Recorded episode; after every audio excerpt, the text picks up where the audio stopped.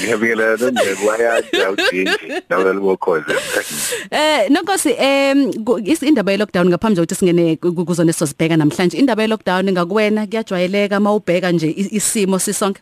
Hayi kuyajwayeleka futhi ngicabanga ukuthi asinayo indlela ngaphandle kokuthi sihloniphe osekushiwo uhulumeni ngenxa yokuthi kubalekile sizama ukuthi sithole singaphakathi. Ukungiphatha kabi nje ukuthi indawo ayifani. Labona mawubheka indawo zona bakithi abahlala la zona ukuhlala endaweni ewu-20 square meters ne-family abantu abawu-6 eh you know lokho babuhlungu ukwazi ukuthi eh amasosha no nohulumeni babhekene nesimo esithile esihlukile uma ungasiphathanisa nezindawo lezi ezilokho edown zaphesheya kunalezi zakithi. Kodwa ke kumele sizame ukuhlonipha sibe abantu abalalelayo. Ngiyacabanga ukuthi okubalekile futhi ukuthi njengoba silokho esikhala sithi silahlekelwe eh indlela imali engenayo ngoba abanye abantu bayayisebenza abanye abantu bayayibhatanisela bayayihlanganisela. Cabanga nje thatha nje umuntu imali ayisebenza ngokuthi aqhwebe imoto lezi zisuke zizopaka.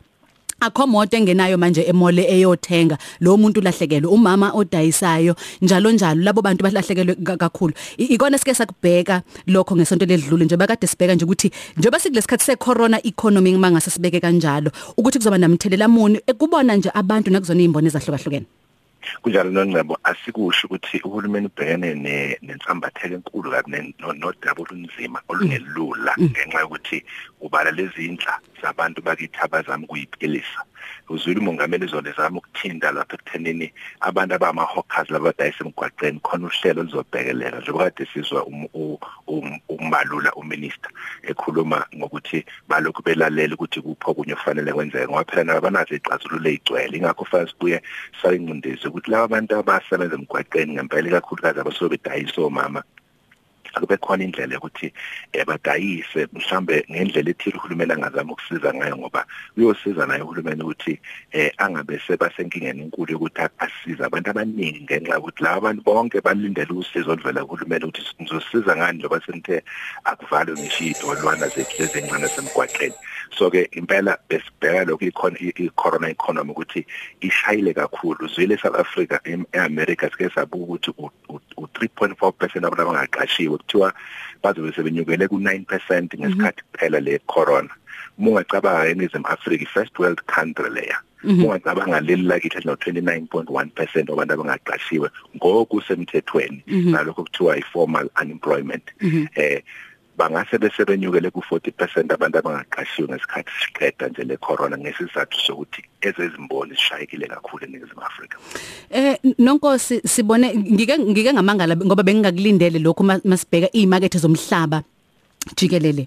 Eh ukuthi kungaphuma i rating evela ka Moody's into ebidala ngingakulindeli benginokuthi mhlawumbe nabo bazothi ukuhlehle ekuthenini babheka izibalo njengoba sikulesikhathi sikusona ngoba indaba ye corona yebo thina singathi isishaye manje njengeningizimu Afrika. Kodwa kade lokho inyonyoba ngoba iqale eChina yalokho is iza ko Italy iza iza iza imarket zomhlaba kade ziqalile zithinteka. Bengalindele ukuthi kukhona ama ratings abangawakhipha ngalesikhathi. Zintathu lezi lezi inkampani ezihambisana nokukhipha ama ratings uzokhumbula ukuthi Fitch ne Standard and Poor's S&P sebevele basifaka kuvobe. Bese kusele nje Moody's kuphela ukuthi isho ukuthi iyona bese bambelele ngayo ngokotini. Usho isho ukuthi singenze njani mhlawumbe sikuvobe noma sikunu vobe sekuvelile ukuthi vele iMoody's manje yasifaka khona lapha ehlathini leminyama eh yasho ukuthi empeleni asewona investment destination right ngezizathu ezibhekileke. Eh izona izinto othola ukuthi njengamanje sezishaye zaba impinda yesithathu. I-corona le sekuyiMoody's bese kuba ukuthi kwavele eningizimu Africa izwe aliyayivele liyidunguzelela nje maqondana nezomnotho umongameli besazama nethimba lakhe ukuthi bawuphakamisa. Uzule naye ekhalathi zolo sesimane safakwa esigabeni esinzima ngoba kusho ukuthi imali sizoyiboleka seyizoba nkulu kakhulu intela noma interest imali efanele sibuyisele kulabantu esibaboleka sibola kuyona imali. Eh nonkosi ukufakwa kuvobe kufakwa ku junk status which is i sub investment grade. Lokho um- uma sibheka u- u- umthelela wakho sizo sizowuzwa manje noma sizobona ngokuqhubeka kwesikhathi ngoba manje sisa- sisahlalelwe into ukuthi siphume kulento ye corona sizobe siphuma nje sibe sijamelene ngqo no Eskom ngoba inkinga zaka Eskom zikakaxazululeki usithe ukudamba damba nje isimo ngoba ngeke sithi sidile ne, ne, ne virus ngapha no gesi ngapha. Inkinga eyodwa ngesikhathi. Kodwa u- iqiniso lithi le le inkinga ziyakhaphana ziya- ziyaphelezelana.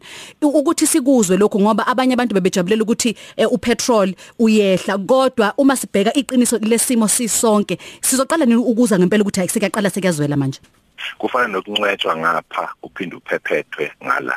Eh empeleni isimo esibhekene naso yileso. Eh sizo sizowuzwa umthelela walesi simo sokuba kuvobe.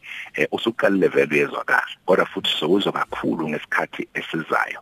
Eh iminyaka nje elandelayo ngoba kuyothatha isikhathi impela ukuthi siphume kulesi sigaba sikavobe.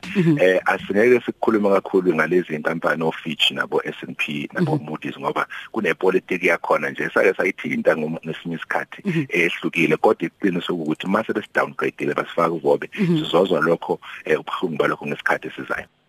Nonkosi siyazi ukuthi inhlelo eziningi ebeninazo ngenxa yayo indaba ye social distancing ngayo ngenxa yayo indaba ye lockdown niph- niphoqelekile ukuthi ke nizibambe ok- okwamanje. Kodwa siyazi ukuthi eh, ulwazi niyalikhipha nama videos na, information enikhiphayo kuma social uh, media platforms enu na kweni website yenu. Bayakwazi futhi ukuthi abalaleli baxhumane nani.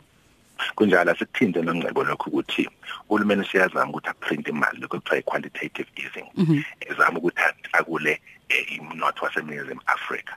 Uzodinga ukuthi sonke njengabantu baseNingizimu Afrika kakhulukazi abantu abanokuqonda okunzulu okuhambisana nokuthi kumele kwenzekele ngesikhathi bamabisana nohulumeni.